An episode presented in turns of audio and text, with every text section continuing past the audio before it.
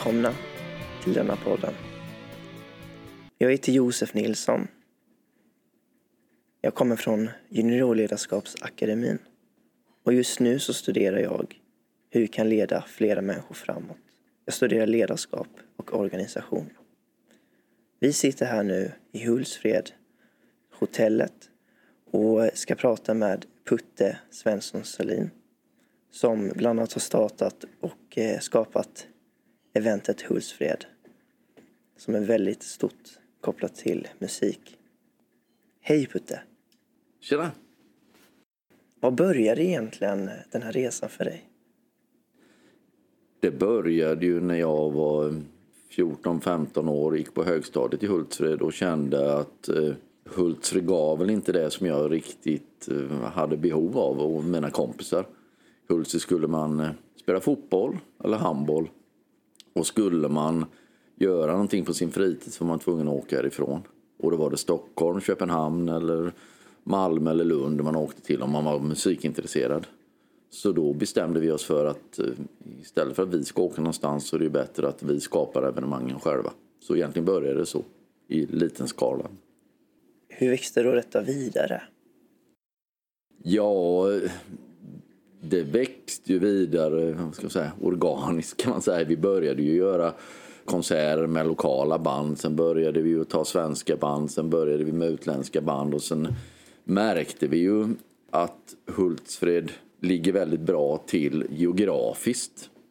Dels var det lätt att få artister som var på turné. Utländska artister som kanske spelade i Köpenhamn som skulle vidare till Stockholm.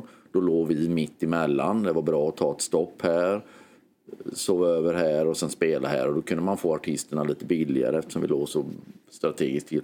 Också att vi låg geografiskt bra till för publiken. Vi har ju ungefär en timma till Kalmar, Linköping, Jönköping, Växjö och det betyder ju mycket för att det här var ju då eh, högskoleorter och universitetsstäder, vissa av dem och eh, så det var ju positivt för oss också. Men jättespännande. Ni fick egentligen då flera människor att samlas till den här platsen och förgylla mer musik i Hultsfred. Ja, det är väl så. Fritid för oss själva. Men så märkte vi att det var inte bara vi som ville det här, utan det här var ju något som fanns ett stort behov av i, i hela Sverige. Att det var ju inte så många som tänkte på ungdomar på den tiden att man skulle skapa den här typen av kulturevenemang för unga människor. Det fanns ju inte riktigt så vi var ju liksom pionjärer på det området och skapa en mötesplats för unga människor som var på väg in i vuxenlivet. När vi startade Hultsfredsfestivalen så var ju det ett sätt att bli vuxen. Innan så var det ju att man konfirmerade så efter man hade konfirmerat så var man liksom vuxen. Och sen var det att man skulle tågluffa och när man kom om från det så var man vuxen. Och sen blev det åka på Hultsfredsfestivalen och när man kom hem från det så var man vuxen. Så att det blev som en liten sån där att måste göra för väldigt många unga att visa att men jag kan jag med. Och när man kom hem så hade man armbandet på sig och då var man lite viktigare än andra kunde man själv tycka. Sen var man ju inte det egentligen men, men man tyckte ju det. Så var det. Men intressant. Och då tänker jag lite att det på något sätt, det byggs ju på detta. Det ja. styrs ju upp och går kanske vidare i generationer. Ja. Eh, det gör det ju på, på sätt och vis. Eh, alltså, nästan alla de som var aktiva med festivalen eh, är ju aktiva idag fast utspridda över hela Sverige. Så det har ju gett ringar på vattnet, liksom att man jobbar med att skapa verksamheter även på andra orter och inte bara i Hultsfred. Så det, det har ju varit en slags, vad man ska säga, kompetensnod när det gäller evenemang och stora evenemang och sånt som, som finns även idag. Jag menar, jag har ju gamla kollegor som jobbar med ishockeyn i Kalmar eller ishockey i Karlskrona eller på Liseberg eller liksom startat Popkollo eller vad det nu kan vara. Det finns liksom spritt över hela Sverige och inte bara när det gäller musik utan även andra typer av evenemang. Det här Hultsfredshotellet det innehåller ju väldigt många delar och en ganska stor verksamhet. Hur började det här byggas på? Det började ju med att eh, det var ett äldre par som ägde hotellet och hade drivit det i 32 år. De ville pensionera sig. De ringde mig och, och frågade om inte jag och min fru eh, ville ta över hotellet. Och eh, det tog inte lång, så lång tid att bestämma sig för det. Så vi gjorde det, vi sa ja till det. Och sen så direkt hade jag ju en idé om att vi skulle göra det till ett musikhotell. Och att vi skulle spinna vidare på det varumärket som fanns fast göra det i en isolerad miljö där man inte tar in så många människor som man gjorde på en festival men utspritt på ett helt år så blir det ju samma. Sen att alla bilder, allting du ser på hotellet är ju tagna på en spelning i Hultsfred. Så det är ju som ett museum fast det lever. Vi gör ju 120 konserter om året. Så det är ju egentligen att ha tagit kunskapen och idéerna kring att göra en festival. Fast istället för att göra det på tre dagar så gör vi det under ett helt år. Eh, och på det sättet så ehm, får vi lika mycket besökare ungefär. Som vi har ju mellan 15 000-20 000 personer som kommer på musikevenemang på ett år. Det som är fördelen som jag känner, dels är det inte så många samtidigt. Det är lättare att hantera och riskerna blir inte så stora. De ekonomiska riskerna som det är med en festival. För en festival kan du ju aldrig rätta till. Går det fel så går det fel. Då skulle du rätta till det till nästa år men det, då kan det gå väldigt mycket fel och väldigt mycket ekonomisk back. Det här är ju liksom ett mindre risktagande för varje konsert. är inte alls lika mycket stor ekonomisk risk. Så det är lite så vi, vi har tänkt kring att bygga upp det. Just det. Ja, men intressant Putte. Och då tänker jag lite sådär, det blir mycket att hålla reda på. Du har ju ett ganska stort ansvar. Hur ser du kring ansvaret och framförallt hur ser du som att leda detta? Ja, jag är så, jag är så van vid det. Ja, men det, är, det är väl som att vara ledare i ett fotbollslag ungefär. Jag har varit damlagstränare en gång. Liksom så man, det viktigaste är ju liksom att försöka att få alla att förstå var vi är på väg någonstans. Och att man gör det överskådligt för, liksom för alla utan att gå in i massa ekonomiska termer eller massa andra ledarskapstermer eller liksom organisationsformer eller någonting sånt. Utan det, det viktigaste är ju liksom att de, dels måste de ju förstå vad är det för gäster vi har. Och vi har fyra målgrupper här som de vet exakt vilka de är. De vet hur de ser ut och, och, och vad de har för behov. Och sen så måste man ju också få dem att förstå vad är vi, vad står vi för, vad är våra värderingar som hotell. Och vi vill ju skapa en unik upplevelse för gästen som är kopplad till musik i Hultsfredsfestival anda. Och vårt mål är ju att när en tidning, ja en tidning behöver inte vara en tidning, men, men, men om någon ska skriva om intressanta besöksmål i Sverige och på hotellsidan, då vill vi vara med på en sån topp 10-lista. Att åk till Hultsfred, det är en unik upplevelse. Och det är lätt att förstå som personal att vad måste vi göra för att vi ska leva upp till det? Vad är det vi måste leverera? Och, och också då att man man vet vilka våra kunder och gäster är och vad de har för behov. Det är det viktigaste känner jag. Liksom, var är vi på väg? Vad står vi för? Och vad har de som kommer hit för förväntningar på oss? Och då tror jag att man kan liksom göra sitt arbete mycket bättre. Sen måste man ju kunna laga mat och servera och det. Men det är liksom det är sånt där som man förutsätter att man kan. Och sen jobbar man ju som ett lag. Det är viktigt. Vi har ju inte så mycket titlar hos oss.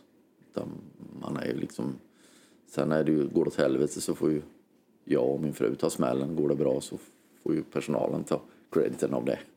Mm. Sen är det ibland så att man måste ändå synas utåt. För att det är så många som vill ha ett ansikte för en verksamhet. Det, och, det, och, det är lättare för folk att förstå. Man kan, liksom, vi gör ju det här tillsammans, alla som jobbar här. Men du kan inte lägga ut en bild och liksom, det var 30 stycken som gjorde det här alltså journalister och media och andra liksom, och, och de som läser det, det är inte samma sak som om det är en eller två liksom så här, titta det är han eller det är hon, det är de liksom. Då, åh, de har kämpat för det här och de är så. Men så är det ju inte egentligen. Men alla vill ha det så, då får man spela med lite i det spelet lite tycker jag. Men man gör ju allting tillsammans. Det är inte alltid som alla har så lätt för det. Vi tog över det här så de som jobbade här då, de, de var vana vid att det fanns en chef som pekade med hela handen. Och, och, när jag kom hit så, liksom så, där, så frågade jag men hur, hur vill du ha det? Och vi kan ta ett exempel som liksom att de, vi skulle göra, göra om ett förråd liksom så där, och med, med, vad vi skulle ha i det där förrådet. Och då liksom så gick jag och frågade till hon som jobbar i restaurangen, ja, men vad tycker du ska vara där? Just i, i det här. Ja, men det är ju du som är chef, då får ju du bestämma. Ja, men jag vet inte, så jag. Jag jobbar ju inte med det här. Du jobbar ju med det här dagligen. Du vet ju vad du har för behov varje dag. Och då är det du som måste bestämma hur det här ska struktureras och göras för att det ska vara så enkelt och bra som möjligt för ditt jobb. Vad jag tycker är ju inte intressant överhuvudtaget. Jag kan vara med sen om det är så att vi måste bygga om eller det kostar en massa och att det blir då liksom i förhållande till det kan det ju bli vara ett dumt beslut om vi måste lägga jättemycket pengar på det och det inte genereras mycket för dig i arbetet. Så, sådana beslut kan jag vara med och ta men, men man måste liksom hela tiden lyssna på alla liksom och, och liksom att den som har bäst kunskap i ämnet är ju den som måste få bestämma. Så liksom känner jag, jag har inte kunskap om vissa grejer då måste man också erkänna det att det här kan inte jag. Du kan ju det här bättre än mig. Ja, jag, jag lade märke till, eh, du pratar mycket om teamwork. Att det handlar om att försöka få in kompetenser men också skapa dem hos andra. Att kunna våga lägga ansvar på flera. Ja, det är jätteviktigt. Det är, det är liksom, ja. Nej, men jag är, jag är ju sån... Man får ju nyckeln hit första dagen man börjar jobba. Liksom, så. Det är viktigt att man får ansvar med en gång. Och att man, sen så kan det ju bli fel, men då kan man ju rätta till det. Men om man inte får ansvar direkt, då, då blir det jobbigt i längden, tror jag. Det, sen måste man ju alltid ändå, när man alltså börjar någon ny så måste man ju ändå ha någon form av introduktion. Det är klart man måste liksom, de måste veta vad, vad det är för gäster vi har här och vart vi står och våra värderingar, liksom sådana saker. Men jag går ju, skulle aldrig gå in och detaljstyra förrän liksom jag ser att ah, men, det där var kanske inte riktigt rätt. Det är bättre att man får göra grejerna, tycker jag, liksom, och, och visa vad man kan och sen kan man rätta till på vägen. Och sen är det ju ibland så att om jag går in och detaljstyr, då blir det ju som vi alltid har gjort. Kommer det in någon ny så kanske de kommer in med ny kompetens och jobbar på ett annat sätt som är bättre än det vi gör. Och då hittar man ju fram till en ny, ett nytt sätt att arbeta och det hade vi ju inte gjort om jag hade sagt så här jobbar vi, punkt slut. För då hade man ju bara rättat in sig i ledet och jaha, det är så de jobbar där, ja men då gör vi så. Sen kanske det hade tagit tre år eller någonting innan de kommer, ja men jag jobbade så här förut, kan inte vi titta på det? För att man i början, när man börjar på man, när man är ny så törs man ju inte säga och ifrågasätta och man tror att det ska vara så där. Så, att, så, så jag tror att man liksom försöka, få, folk får ändå jobba lite som, utifrån de kunskaper de själva har för det, det smittar av sig och det kan man göra någonting bra med. Sen finns det vissa sätt man måste jobba på för att lokalerna ser ut som de gör och man har de öppettiderna man har eller sådana där praktiska saker som gör att man säger måste vi jobba för att det är liksom så här.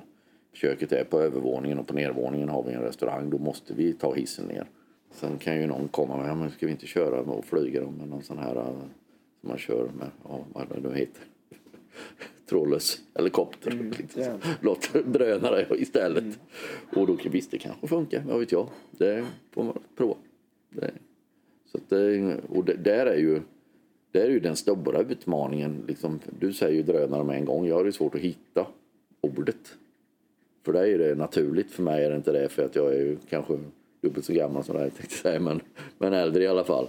Och eh, det är ju fördelen när man får in yngre människor. För då får man ju också möjligheten av att lära sig nya saker och ny teknik och sånt som kan tillföra någonting. Och, och, och det är ju en stor utmaning. Det, det, det, är, det är svårt att få in det i en, i en verksamhet liksom som är på en mindre ort och som liksom inte är så stor och så. Det stora företag de har ju de är ju anställda för att bara titta på det här och implementera sånt och de har utvecklingsavdelningar och sånt här. Här får man ju in det genom att man kanske får in lite yngre människor eller som har pluggat liksom högskola eller universitet eller något annat som gör att man får in den kunskapen och det där är ju det, är en svårighet liksom det, att få in den kunskapen. Just det. Men om, om vi då tänker, för nu har du ju ändå hållit på ett tag och så. Mm. Vad ser du är de största lärdomarna du har fått från, från början till nu?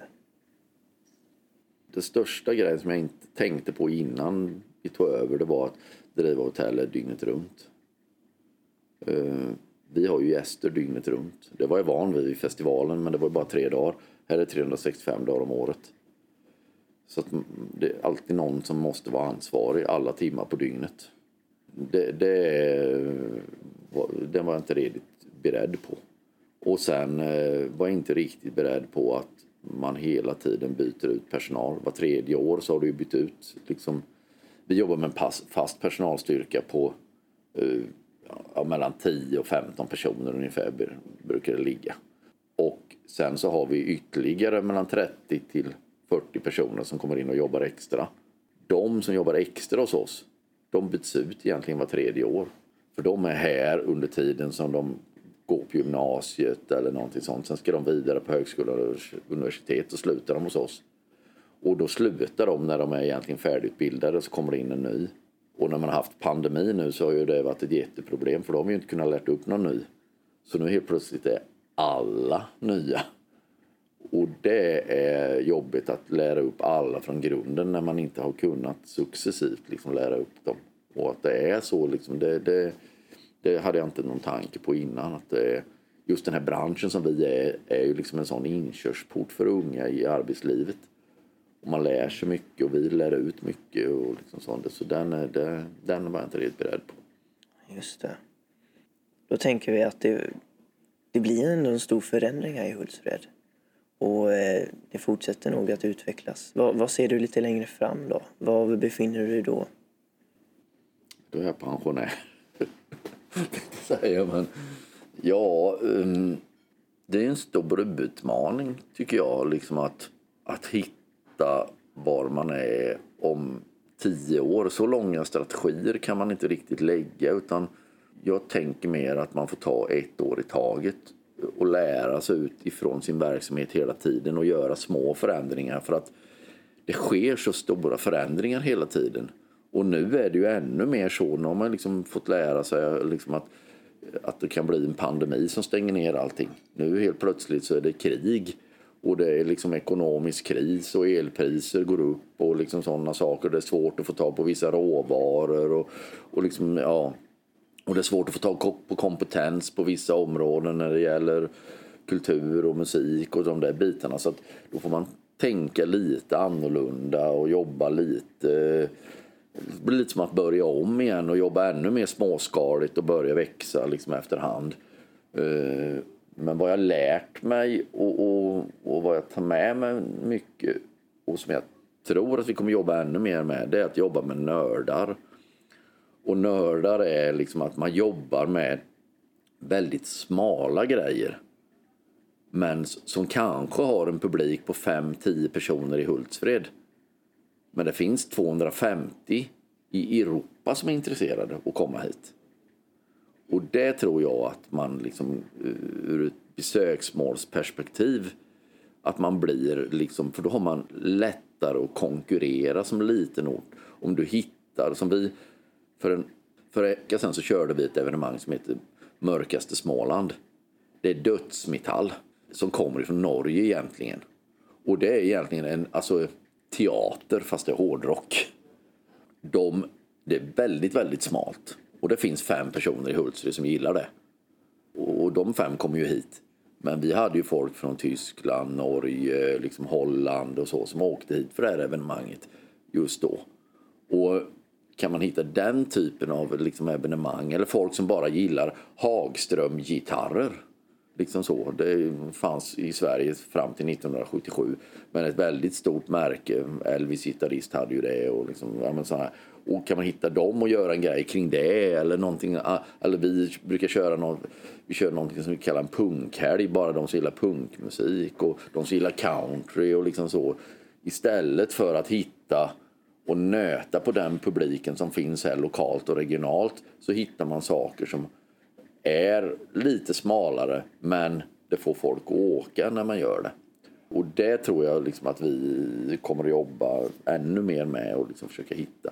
Och också att man jobbar mycket mer med samarbeten.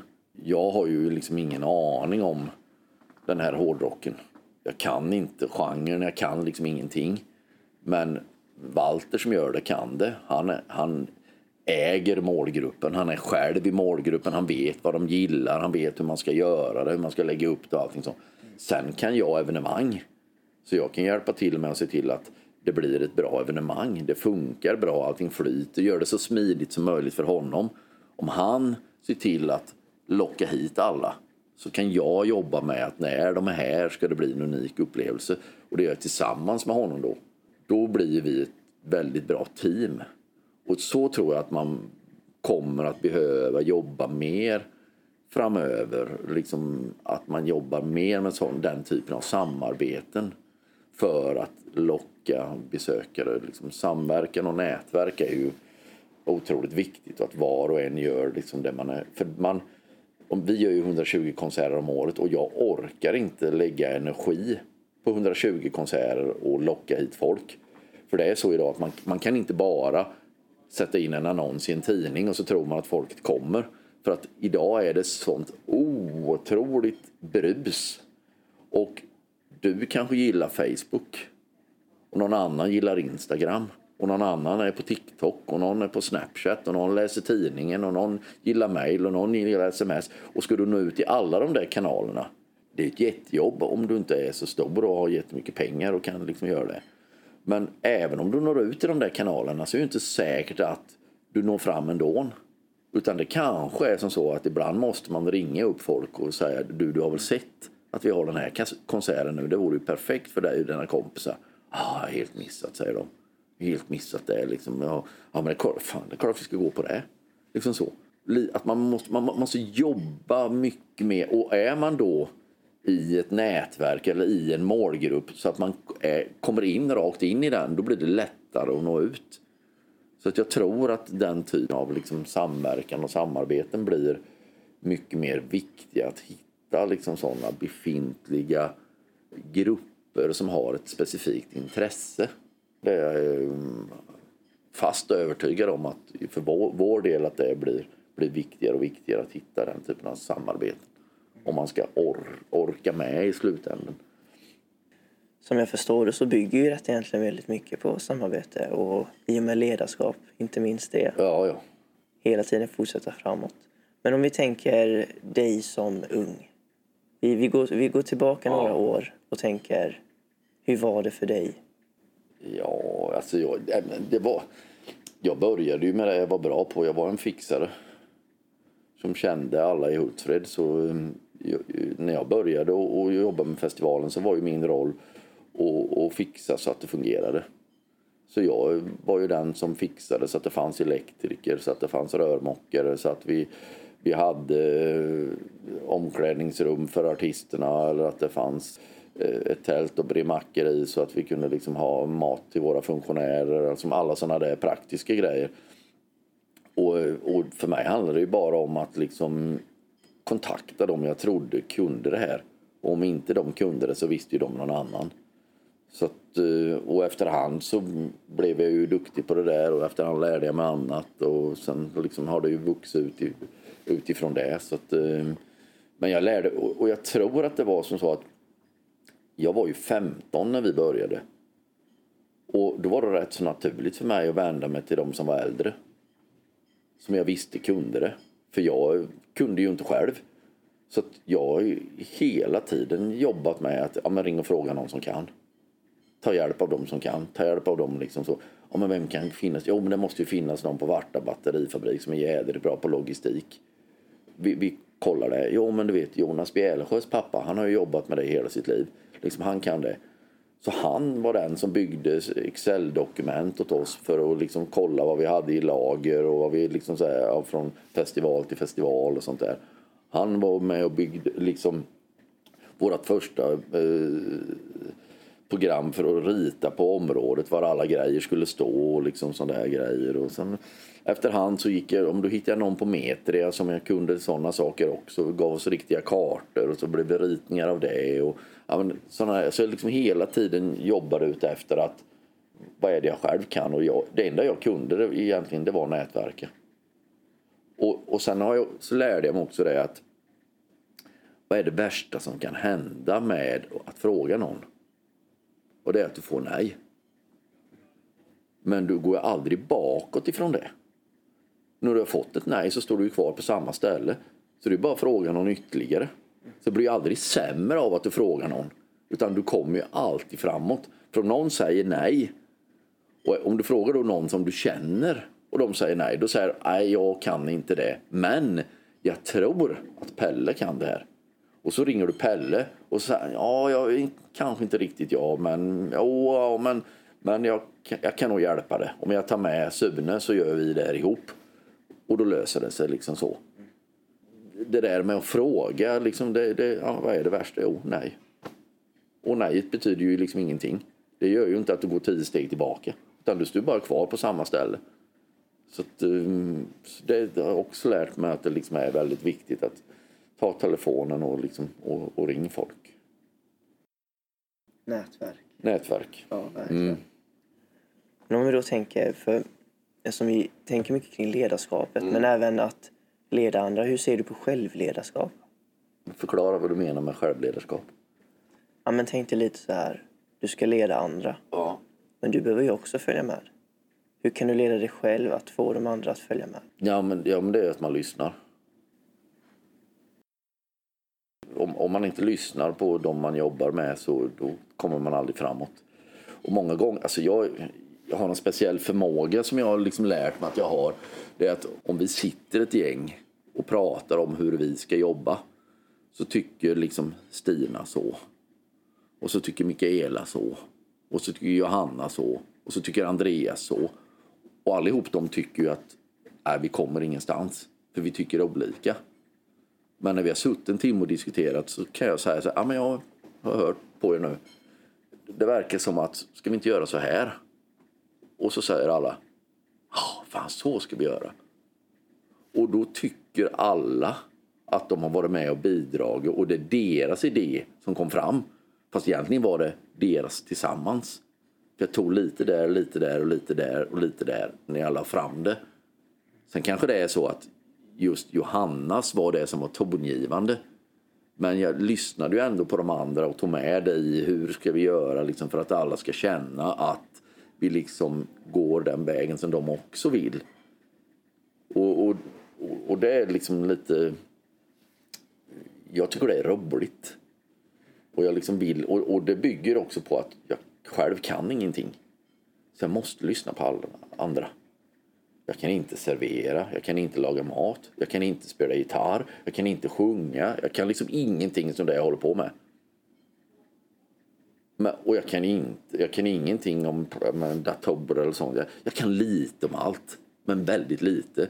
Så jag är så beroende av vad alla andra kan.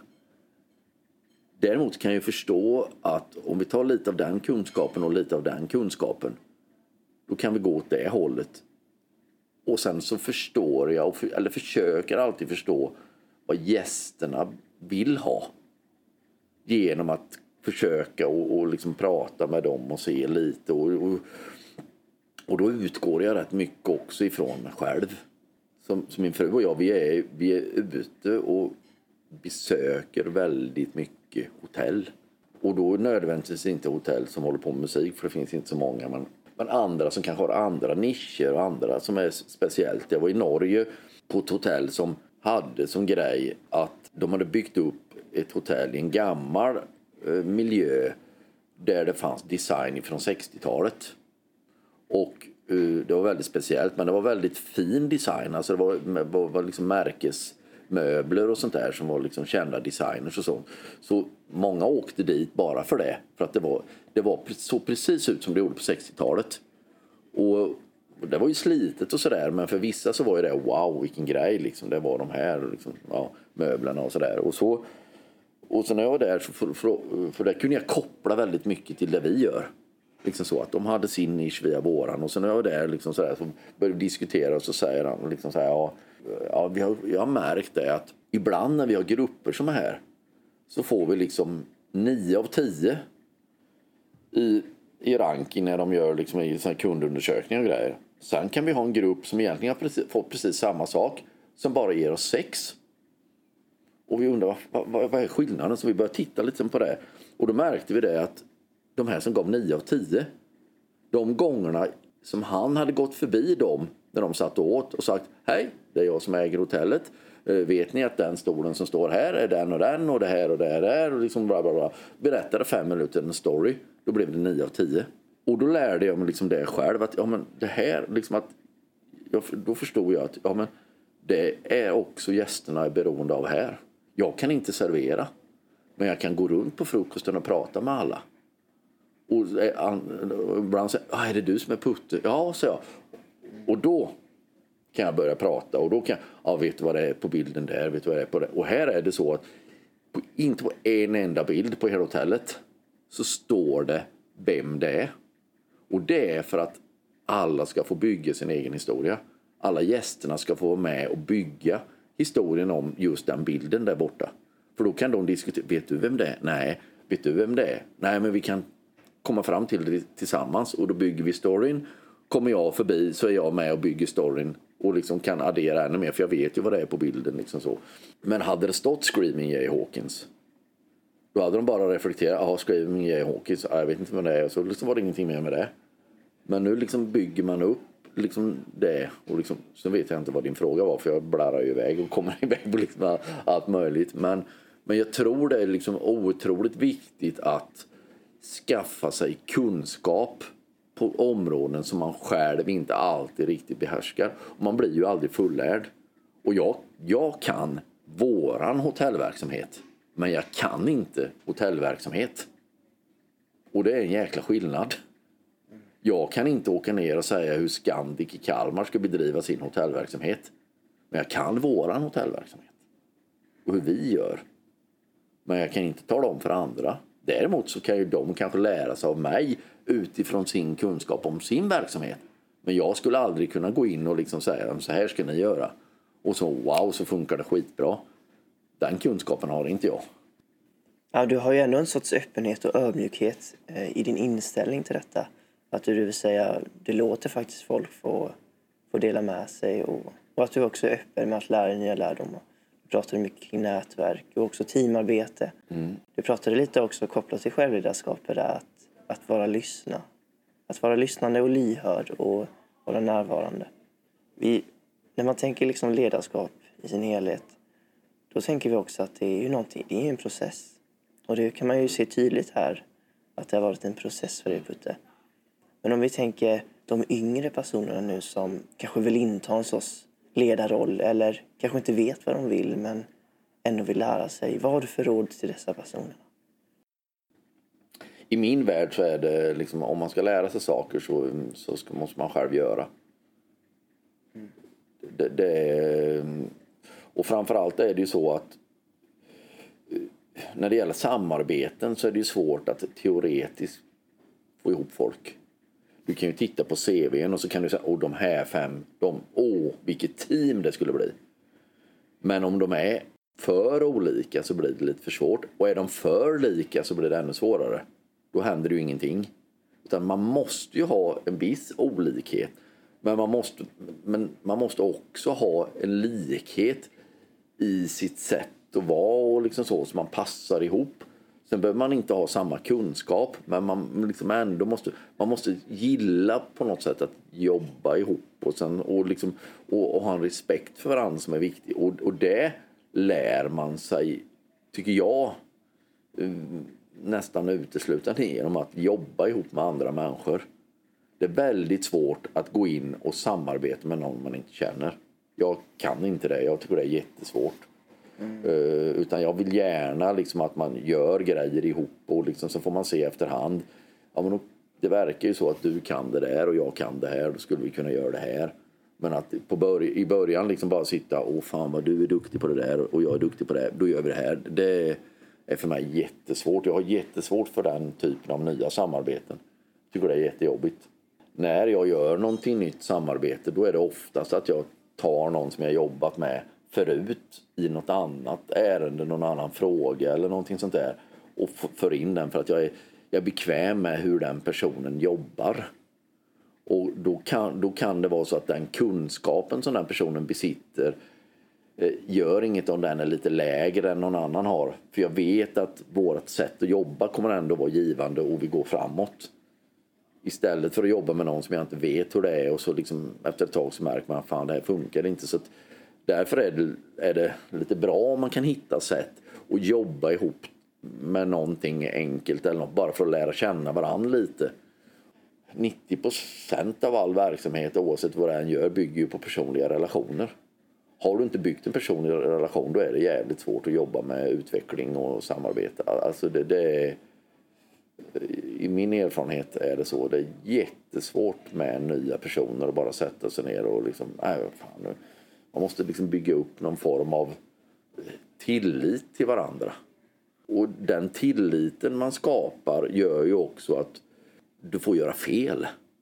För det som är när du inte känner varandra, då är det liksom så att jag är så rädd för att säga fel sak eller jag liksom, tänk om jag framstår som dum eller liksom sånt. Man, har liksom inte, man vill inte blotta sig.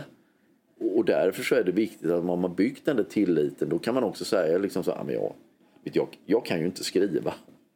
Hur många företagsledare eller liksom så här, går ut och säger det? Så jag är helt värdelös. Jag kan stava men jag kan inte skriva. Liksom jag, jag, kan inte sätta komma, punkt eller någonting sånt. Och de säger K. Det är de tre orden jag använder. Vill de veta mer får de ringa. Jag skriver så jävla dåligt och det blir liksom... De, det, det, jag lärde mig det tidigt när det gäller liksom mail och liksom sms och sånt att när jag... De kan ringa till mig, är du förbannad? Eh, nej, vadå? Ja, du har ju tre utropstecken efter meningen. Ja, vadå då? Det blev väl bara det, sa jag. Liksom så. Ah, jag trodde du var arg på mig. Nej, så jag är inte arg på det. Jag bara skrev så, sen blev det bara till. För mig betyder det ingenting. För jag, liksom, jag läser inte, jag ser och jag sätter inte komman och jag kan, alltså jag är värdelös. Men jag har ju andra som är bättre. Och sen så råkar ju min fru ha dyslexi också så vi är ju ett jävla team. Men jag kan ju stava så jag kan ju liksom hjälpa till. Men hon ser ju inte när hon liksom stavar fel. Men jag, och jag blandar stora och små bokstäver och jag liksom hoppar över ord och liksom sånt när jag skriver och liksom sådär. Och jag är helt värdelös. Men det, den första jag jobbade med tillsammans riktigt, min första kollega hon var journalist och vi passade jävligt bra ihop. Jag pratade och hon skrev. Och, liksom. Men, eh, och det, jag tror det är jätteviktigt det här med att man skapar den tilliten så att man kan vara ärlig med att det här kan inte jag. Det är bara att erkänna, jag är, jag är dålig på det här. Och det är inte alltid man gör det liksom sådär när man precis lär känna någon. Så jag, jag tycker det är, det är bland det viktigaste. Att man liksom känner varandra. Sen måste man ju ändå kunna ha en man behöver inte vara som en, en familj liksom. Man ska gifta sig med alla liksom, och ingå och bo hemma hos oss eller så. Inte så, men, men ändå rätt liksom sådär. Och jag tror det är lite som man tänker lite som när man gör när man bygger ett fotbollslag. Det är också lite så här att eh, alla behöver ju inte kunna liksom trixa till hundra. Man är kanske är bra på någonting annat och då tillför man laget någonting. Jag lyssnade på Svennis någon gång så han hade med någon spelare bara för att skapa stämning i omklädningsrummet. Han är inte så jävla bra längre men jävla vilken stämning han skapar i omklädningsrummet. Ut innan match, vi är så taggade liksom så för han är liksom så. Och då var det en före detta stjärna som inte var så bra längre. Och han spelade knappt någonting. Han var hoppade in fem minuter eller någonting sånt där bara så. Men han var med bara för att resan till matcherna var så viktiga när vi sitter i bussen och när vi är i omklädningsrummet. Någon som bara får liksom att alla mår bra och nu är vi liksom fokuserade på vad vi ska göra. Liksom så. Och att inte ledaren var den som behövde göra det, liksom att tränaren, utan det är någon annan i gruppen som kan ha den rollen och sådär. Och just det där att man liksom är så att man känner varandra och vet och liksom skapar den tryggheten, det, det tror jag är viktigt. Det är viktigt att känna att man, att man får göra fel. Sen ska man ju inte göra fler fel flera gånger för då, då betyder det att då har man ju inte kunskap tillräckligt. Men man får göra fel och sen nästa gång så gör man rätt. Så man kan väl sammanfatta lite att det handlar om att skapa samarbeten, bilda ett nätverk. Men också att skapa tillit, personliga relationer och ha respekt för varandra. Är det något sista du vill säga som vi inte har frågat om? Nej, det, jag, det här samtalet var bra.